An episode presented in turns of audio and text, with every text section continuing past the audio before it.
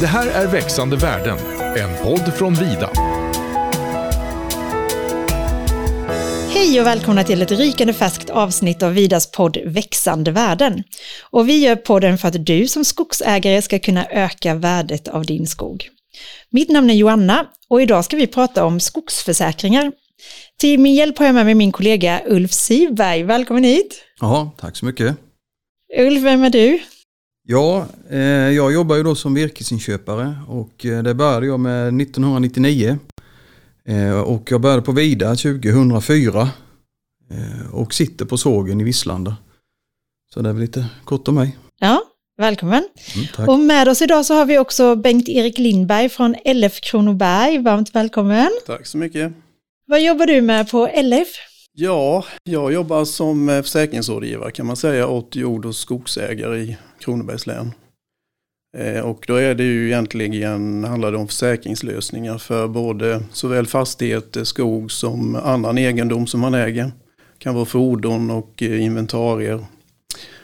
Men sen har man ju en- privat värld också såklart. Så det är ju personförsäkringsskydd och hemförsäkring och ja, bostad och fordon och så vidare.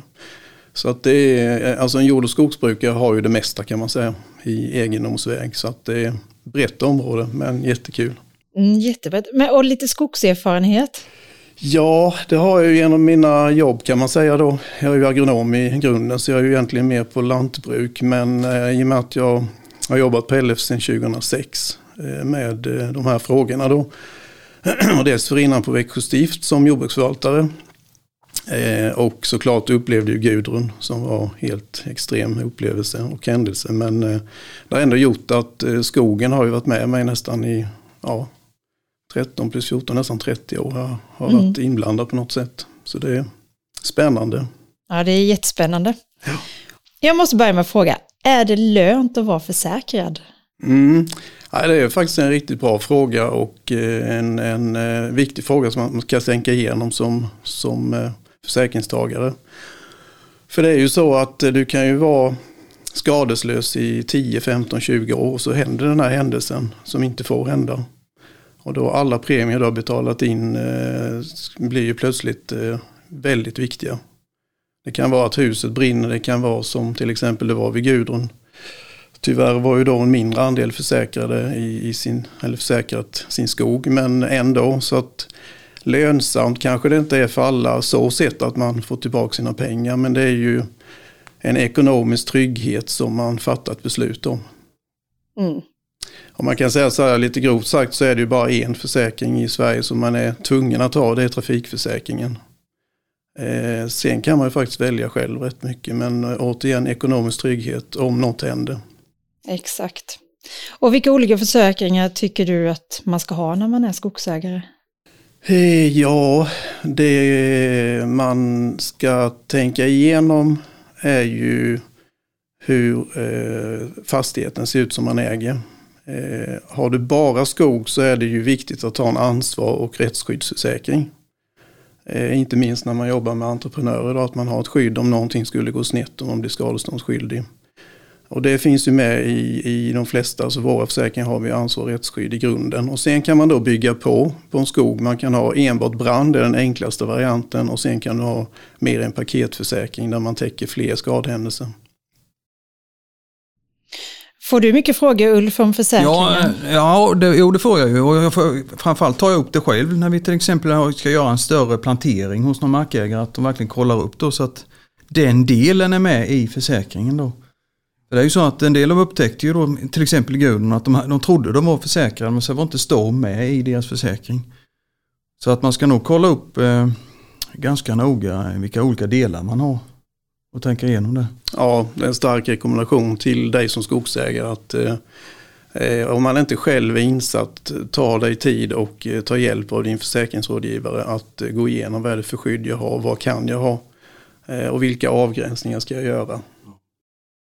Och det ändrar sig naturligtvis efter, efter tiden då. Va? Ja, precis. Så att, eh, för har du då haft mycket gammal skog och den du har gjort en större avverkning och ska plantera mycket då, då gäller det att kolla upp så du har det här med försäkring mot plantorna om de blir Mm. skadade på något sätt.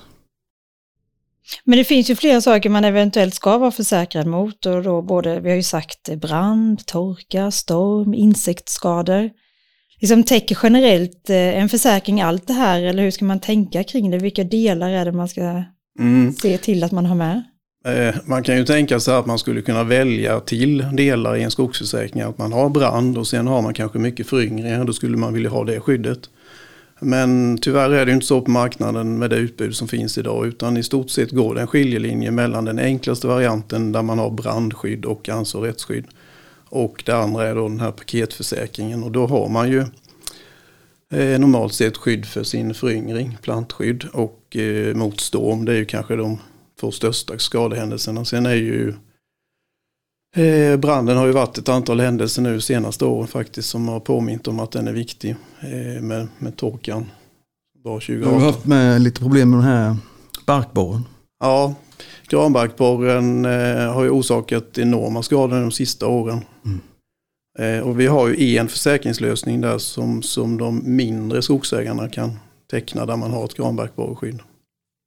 Men bara de mindre? Ja, den lösningen vi har då har man alltså möjlighet till eh, Ja, de som har upp till 75 hektar per fastighet kan, kan ha ett skydd för granbarkborreskador. Det har, lite, det har diskuterats såklart nu när, när skadorna har ökat och det finns ju många skogsägare som är intresserade av att ha det skyddet även om man har 200 hektar. Men det har med vår eh, återförsäkringskostnad att göra. Eh, alltså som försäkringsbolag så har du ju ett lagkrav på dig att du måste ha en solvens, en, ett kapital så att du kan eh, klara de skador som eventuellt kan bli.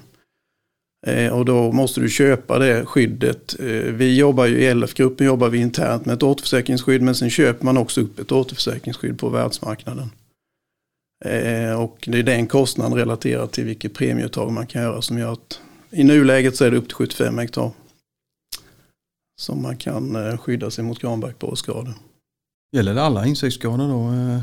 På stående skog eller? Eh, ja, det kan man säga. Så att eh, vi har ju, t- LF-försäkringsgruppen har ju två produkter. En som heter Skog Max och en som heter Skog Mer då. Och den här Max är ju lite mer innehållsrik. Den är lite dyrare och den kan man då ha, eller den har man upp till när man har 75 hektar. Eh, som mest och sen i nästa steg är det då Skogsmer och då finns inte det skyddet. Men du har brand och du har storm och, Ja, man har brand, storm, snötrycksskada eh, och man har och ju planteringar. precis, vilket kanske är ett av de viktigaste momenten då för yngringsskyddet. Finns det någon skillnad på försäkringar på stående skog eller på planteringar eller liksom yngre skog i och med att de kanske är lite olika känsliga mot storm? Ja, man kan säga att för, föryngringsskyddet man har det är ju nästan ett, ett eh, Eh, ja, vi kallar det fullvärde i försäkringssammanhang, men det är alltså man får ju i princip ersättning för att återbeskoga fullt ut. Och vi, vi har ju då en ersättning per planta. Eh, som inte är utvecklingsbar så får man ersättning för det och markberedning så att eh, man kan säga att man ligger ju då på en föryngringskostnad på kanske 17-18 000. Så att det, det är ett bra skydd är det faktiskt. På vuxen skog är det ju så att man får ju inte full ersättning för den virkesförlust man gör. Man får en del eh, av den kostnaden man har för att, för att ta hand om stormskadat virke och eh, ja, skador som blir då. Man räknar ju med att man har ändå ett virkesvärde kvar. Eh, så att, ja, så är läget. Sen, sen har vi, vi har reviderat eh, brandskyddet på skogen så att det har blivit bättre efter de erfarenheter som blev efter Västmanland 2014 men även uppe i Medelpad var det väl den branden där. Så att där är det ett, ett bättre skydd då. Och vad innebär det bättre? Eh, bättre skydd i ersättning per eh, kubikmeter men också att man har ett föryngrings... Alltså man får en ersatt ny, ny skog så att säga. Man får högre ersättning då om det är ung skog som brinner upp kontra gammal skog så att säga. Ja, man får, eh, om man tänker stormskadad skog så får, i vår modell, det finns lite olika modeller på marknaden kan man säga. Vilket kan vara bra att veta som skogsägare att, att ska man teckna en skogsförsäkring så, så är det ju fördel att titta över lite vad finns det för olika alternativ. De, de är ju i stort rätt lika men ändå vi har ju en fast ersättning per fast kubikmeter på 105 kronor vid stormskadad skog. Oberoende vilken, om det är ungskog eller? Ja. Jaha, okej. precis. Och eh, vid brand så är det då eh, en, en ersättning där man även tar hänsyn till virkesförlust. Så att den, där kanske man ligger på 300-400 kronor. Och sen är det någon viss volym man ska upp, för, eller upp till innan det börjar Ja. gälla. Är det 100 eller? När nu det börjar bli komplext. Så att det är ju inte helt det. Men det är så här att eh, historiskt när Gudrun gick så hade vi ju eh, vårt gamla villkor. Eh, och det villkoret lever ju kvar på marknaden hos vissa försäkringsbolag. Och då var det så att man, man hade ett ytkrav. Så det krävdes en sammanhängande skadad yta för att man överhuvudtaget skulle räkna med den skadan. Eh, och vid Gudrun var det att minst hälften av ett hektar skog skulle vara skadad. Och sen gjordes villkoret om hos oss, Länsförsäkringar, till eh, Per som kom 2007. I januari var ju det också. Och då hade man ju eh, sänkt det kravet till att på ett halvt hektar skulle hälften vara skadat. Men sen så var det rätt mycket kritik. Vi, vi försöker ju ligga nära våra kunder och vi är ute på träffar och sådär. Så att vi gjorde om vårt villkor 2012. Så nu har vi inget ytkrav kvar alls. Utan nu räknas alla stormskadade träd. Men det finns en självrisk då som man måste Mm. passera. Mm. Jag för mig, det är, det 100 kubik? Ja, det är så att du har, eh, om du har upp till 75 hektar så har man en självrisk på 20% av ett prisbasbelopp. Det är ungefär 9500 kronor. Därutöver kan vi då ersätta med 105 kronor per fast kubikmeter. Och då räknar man alla stormskadade, stormskadade träd. Jag vet det var någon eh, kund vi hade före 2012 då som drabbades av en, en tromb som hade liksom studsat fram över hans skog. Han hade kanske 800 kubik nedblåst och eh, fick ingen ersättning på, på grund just av det här ytkravet. Att det inte var sammanhängande då. Ja, precis. Så Ja. att det, det är lite lurigt, men det, det finns ju kvar på marknaden det. Eh, Så att det kan vara ett tips. Kolla, kolla om, om det finns ett ytkrav när man skaffar försäkring. Ja, jättebra för det har jag ju stött på många markägare som, som sa att det var meningslöst att försäkra sig mot storm för man kommer aldrig upp i de här Nej, Eh, för det var lite mindre stormar och så här. Va? Sen kommer ju de här stora stormarna, då går det ju i då. Va? Men, därför hade man inte med denna försäkringen då när Gudrun kom. nej, precis. Så, eh, Ja, men det är ett bra tips ja, då. ja, så det är bra tycker jag att det är att man har, en, Att man har ändrat det. finns Mm. andra eh, för, för, eller regler på det då. Så att, eh. Sen tänkte jag lite höra där vi, eh, man har ju pratat om att det är eh, mer risk att ha mycket gammal skog på sin fastighet kontra yngre skog. Ja. Har man någon, eh, påverkar det premien på försäkringen? I, Eh, nej, det gör ju inte det i nuläget faktiskt. Det, det, man kan säga, vi har en rak premie per hektar. Så har man den här skog max. Och då, och då är det också så här, vi i försäkringsvärlden tänker ju risk och premie. Så bor man i Hallands län till exempel så är risken för stormskada större. Där kostar skogsförsäkringen mer. Bor man i Kalmar så är det kanske halva kostnaden för där är risken mindre. Så att eh, det, det är så att det kan skilja mellan olika delar av Sverige. Och i Norrland har vi historiskt sett haft väldigt låga premier. Men efter de stormar som har varit där också så har premierna stuckit där med en del. Eh, men den Skogmax som man tecknar, den som kund i Kronobergs län kostar 65 kronor per hektar. Eh, och år då. Och mer än som är Eh, då lite enklare. Men ändå har de viktiga skydden brand, storm och föryngringsersättning. Kostar 55 kronor per hektar. Eh, så att det skiljer lite där gör det. Men eh, priset hos oss har ju legat rätt stabilt nu ett antal år. Det blev ju kraftiga höjningar efter Gudrun för då, då hostade ju alla de här till eh, återförsäkrarna, Lloyds och de här ojsan, vad var det som hände där? Den här stormen som skulle komma var hundra år, den dök plötsligt upp nu och sen kom ju Per. Jaha. Så då sänkte man ju i de här riskmodellerna eh, eh, tiden från 100 till 30 år istället. Man räknar med att det kan komma en sån här storm var 30 år. Och då sticker premien. Just det. Ja. Du, jag funderade lite på, är det någon skillnad försäkringsmässigt om man bor på sin gård eller inte? Nej, det är det egentligen inte när det gäller skogsförsäkring. Nej. Utan det är mer om du har byggnader så kanske man kan tänka lite annorlunda beroende på hur du vill återuppföra dina hus. Eh, om du bor där eller inte, men annars är ju skogsförsäkringen lika. Mm, okej. Och är det något speciellt, jag tänker lite på det här med entreprenörer och ta in dem på sin fastighet, vad behöver man tänka då försäkringsmässigt? Eh, Det är viktigt att ha ett ansvarsskydd som skogsägare. Eh, det kan ju vara så att man får in till exempel främmande föremål i, eh, i en grothög till exempel. Alltså att man samlar ris och kvistar och stammar. Och eh, då finns ju det skyddet att vi, om man får ett skadestånd riktat mot sig, att det här anser entreprenören att det här är ditt fel att det har kommit in en metalldel här och min flistugga har gått sönder. Då utreder vi ju det. Man behöver inte köpa in en jurist utan vi utreder om det är en ansvarsskada eller inte. Och om man då är ersättningsskyldig enligt svensk skadeståndslag. Men, men det ska man kolla för det tror jag inte alla försäkringsbolag har med i, i sitt paket så att säga. Så ansvarsförsäkring är viktig. Eh, och sen när man tänker då vilka krav ska man ställa på entreprenören? Ja det är ju att de är F-skattare, att de är registrerade företag och att man har sina maskiner eh, fullt försäkrade. För det kan ju inträffa miljöskador i form av att olja läcker ut, till exempel hydraulolja. Eh, och eh, maskinen då inte i trafik så täcker inte trafikförsäkringen en sån skada utan då måste man ha ett tilläggspaket.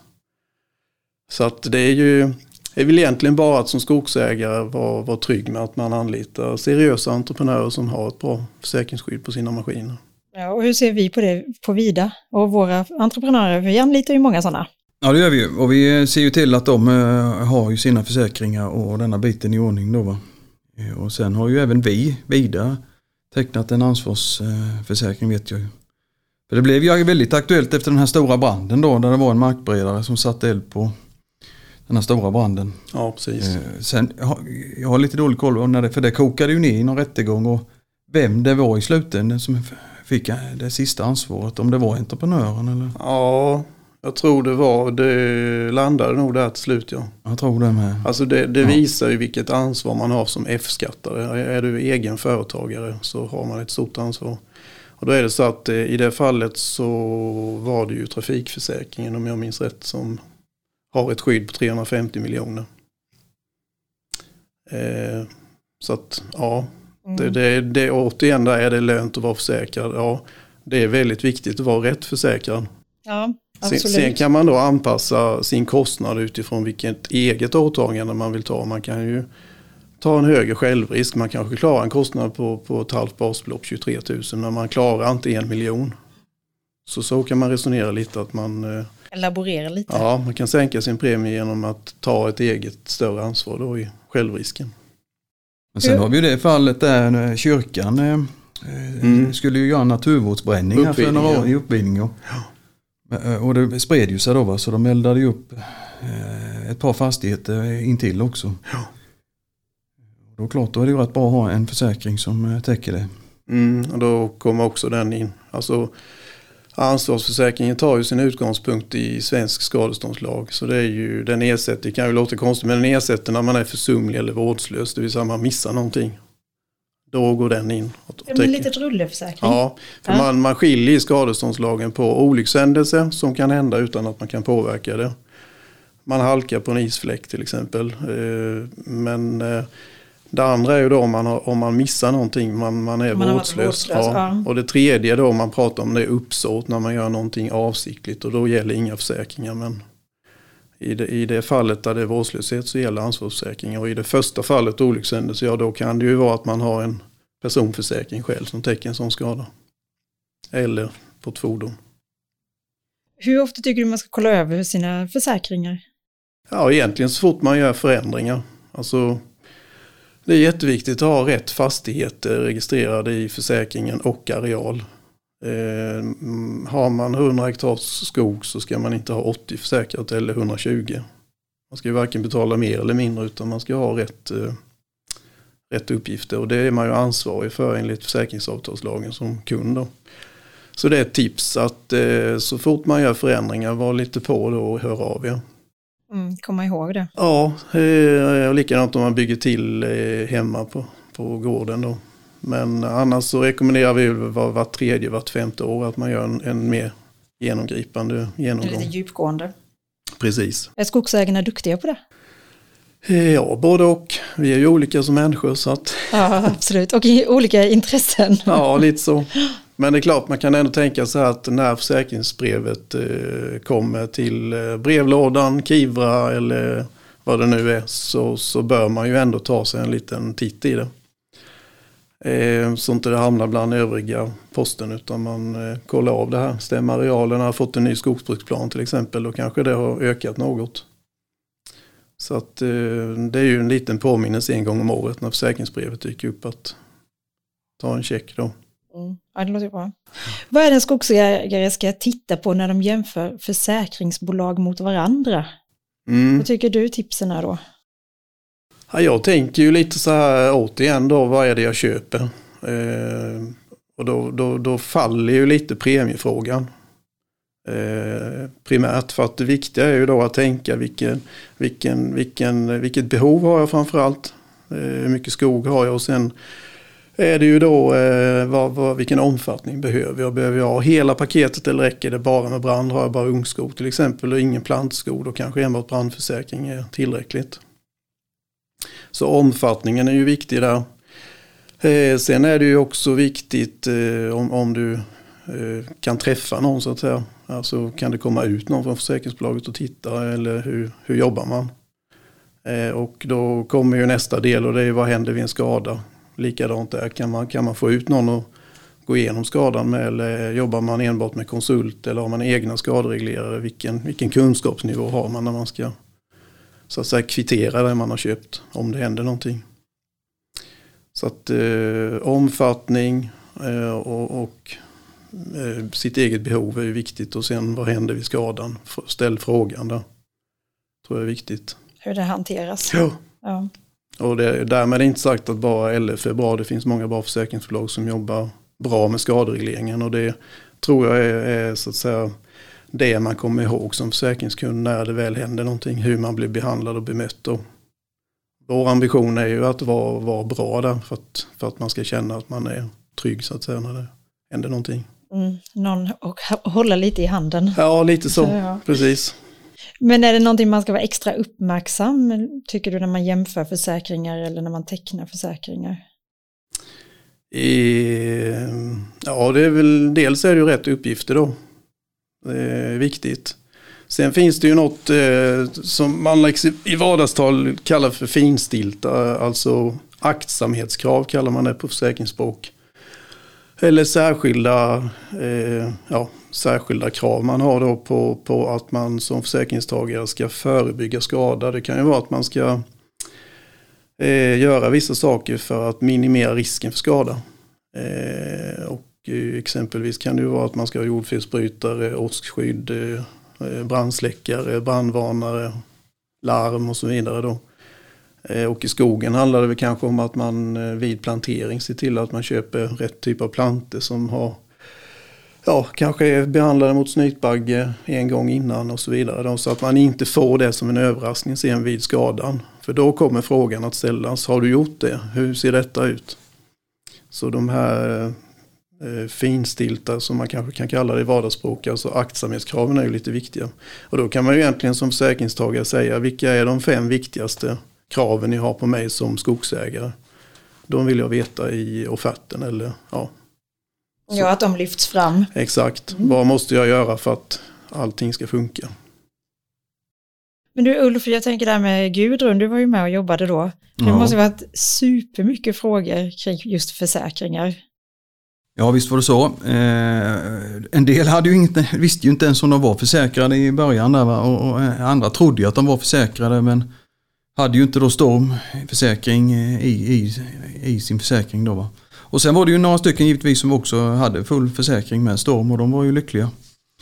Eh, och då var det ju, eh, fick vi hålla reda på volymer och lite så där.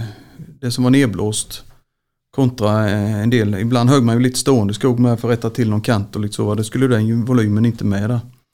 Så ibland var det lite pyssel att hålla isär det där då. Men det var ju viktigt som 17 att, att kolla upp det. Men det var en hel del som blev, blev överraskade. Att de inte hade storm i sin försäkring.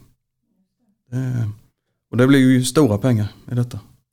Det blev väldigt stora pengar. Var du med då? Jobbade du på LF på den tiden? Ja, jag började ju 2006. Ja, var och- 2006. Ja. Men eh, jag var ju med kan man säga i efter, Efterdyningarna. efterdyningarna. Ja, det var jag. Så att eh, då kan man säga att det var ungefär en fjärdedel som hade den här stormförsäkringen hos våra kunder då. Eh, och nu ligger vi ju på kanske 75-80 procent. Man lärde sig någonting. Ja, man har lärt sig någonting och man har ju framförallt i alla led så tar man ett större ansvar. Dels gör ju försäkringstagaren det genom att man tänker försäkring eh, och eh, banken ställer ofta krav på att man ska ha försäkringsskydd när man lånar pengar. Fastighetsmäklarna ställer ofta krav när man ska sälja en fastighet att det finns ett försäkringsskydd. Och vi försöker ju då också eh, i vår försäkringsrådgivning och uppdatering av försäkringar lyfta frågan. Så att det är ju en helt annan medvetenhet nu, det är det ju. Ja. Och vi jobbar ju också med det faktiskt. Ja. För det är så mycket enklare för vår del också om de är försäkrade. Mm. Det var dyr läropeng för många. För många var det så. Mm. Men jag tänker att Gudrun kanske ändå blev eh, lite överraskning för många. Man hade inte tänkt att eh, det skulle komma sådana kraftiga stormar. Och nu har vi ju klimatförändringar som kanske gör att vi tror inte att vi kommer ha jordbävningar här, men sen helt plötsligt så får vi en jordbävning här och mycket skog påverkas av det. Liksom, är man försäkrad mot det eller Ja. är man försäkrad mot det oförutsedda? Precis, eh, det kallar vi ju i försäkringssammanhang naturskada. Och då är det ju eh, bland annat så storm men också jordbävning täcker ju försäkringsskyddet. Så att eh, när vi handlar upp försäkringsskydd på världs, världsmarknaden, alltså det här återförsäkringsskyddet, så påverkas den kostnaden av vad som händer i andra delar av världen. Till exempel så var det en, ett kraftig, en kraftig nederbörd över Köpenhamn för ett antal år sedan som kostade ungefär en miljard eller någonting sånt. Och det är en sån stor skadehändelse som tas ur det här återförsäkringsskyddet. Sen var det någon eh, jordbävning i Chile tror jag det var som, som också de pratade om påverkade det här kostnaden för att, så att säga, köpa det skyddet. Så vi är på det sättet kan man säga att skogsägaren idag är ju en del sammanflätad med det som händer i hela världen i, på jordklotet faktiskt. Sen har ju många fattiga länder har ju inte försäkringsskydd på det sättet som vi har, men, eh, eller kan erbjuda det. Men eh, det, det är ett rätt stort fokus på naturskador hos oss på Länsförsäkringar. Att vi, vi följer det och vi tittar också på att man kan eh, kanske utveckla produkten framåt då. Ja, hela tiden ligga steget före. Mm. Översvämningar är också en sån fråga faktiskt. Ja, och där kanske det är mer mot planter då. Ja, skulle kunna vara. Precis. Ja, man kan dränka skog också. Mm. Absolut. Eh, som den dör av då. Mm. Men jag tror ju att torka kommer bli en, eh, ett stort problem. eh, Känns det ju som. Mm. Man har ju redan nu ställt två helikoptrar i Växjö eh, på grund av brandrisk. Ja, jag hörde det. Så, eh, Tidigt på året då så är vi redan ja, redo. alltså, det, för- det kan ju bli torrt väldigt fort här nu. Det kan det bli. Men finns det en risk att skogsägare är överförsäkrade? För det är ju sånt man eh, hör ibland om hemförsäkring och allt med att man är överförsäkrad. Men kan man vara det i skogssammanhang? kan man ju inte på det sättet att du har för många försäkringar. Däremot kan du ha fel uppgifter. Som jag nämnde, om man har fel areal så betalar du för mer än vad du, vad du har. Så det är ju en faktor att titta på det. Och eh, eh annars är det väl eh, eh Ja, annars skulle det kunna vara till exempel har vi ju skogsägare uppe i västra Kronoberg som har väldigt mycket gudrunhyggen. Som, som nu är 15 år gamla där man kanske inte har så stor nytta av sin försäkring då. Alltså paketförsäkring. Man kanske kan vara utan stormskyddet, man kanske klarar sig utan föryngringsskyddet och klarar sig med enbart brand. Eh, och då kan man ju på något sätt säga kanske att man är överförsäkrad. Men det, det är ju där lite så här att man, där måste man ju då tänka till och ta gärna hjälp och att man gör en genomgång.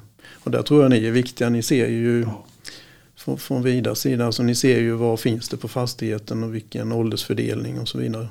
Just den frågan bollar vi ju med en del markägare, eller de tar upp det med oss. Ja, Har de, fick de 80% av sin skog nedblåst i Gudrun så klart att eh, då har de ju inte så mycket som kan blåsa ner ju här de närmsta 10-15 åren här. Men en sak som vi inte har pratat om är ju viltbetning på planteringar. Faller försäkring ut då? Ja, det finns ju ett skydd i den här Skogmax som är lite mer eh, bred i sitt, i sitt skydd. Så där har vi ju ersatt skador till följd av betning. Det har vi. Sen är det ju, man tänker då framförallt är det ju föryngring som, som har varit aktuellt att ersätta. Det som kommer nu är ju kronhjorten eh, som ger sig på mer vuxen skog. Som är ganska svår för den skalar i barken och då dör kanske inte oftast träden men de, de tappar ju utvecklingskraft och ja, skadas på det sättet. Och där, där täcker ju, finns ju inte på marknaden riktigt ett sånt försäkringsskydd idag som fungerar riktigt bra där. Tyvärr. Men utvecklingspotential då? Ja, eller, ja precis kan man tänka. eller, om, eller om man ökar jakttrycket, jag vet inte. ja, det, ett hett ämne där, ja, viltstammarna.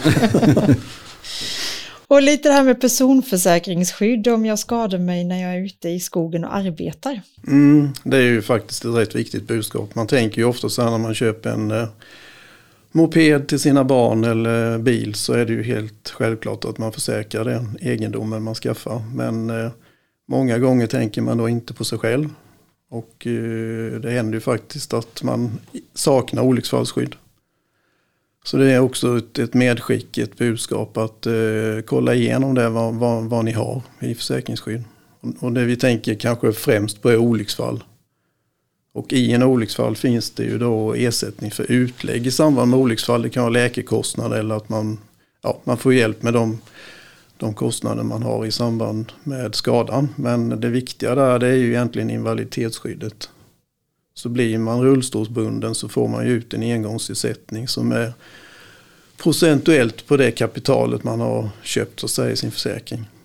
Så har man, eh, vi rekommenderar att man ska ha ungefär 2,5 miljoner invaliditetsskydd.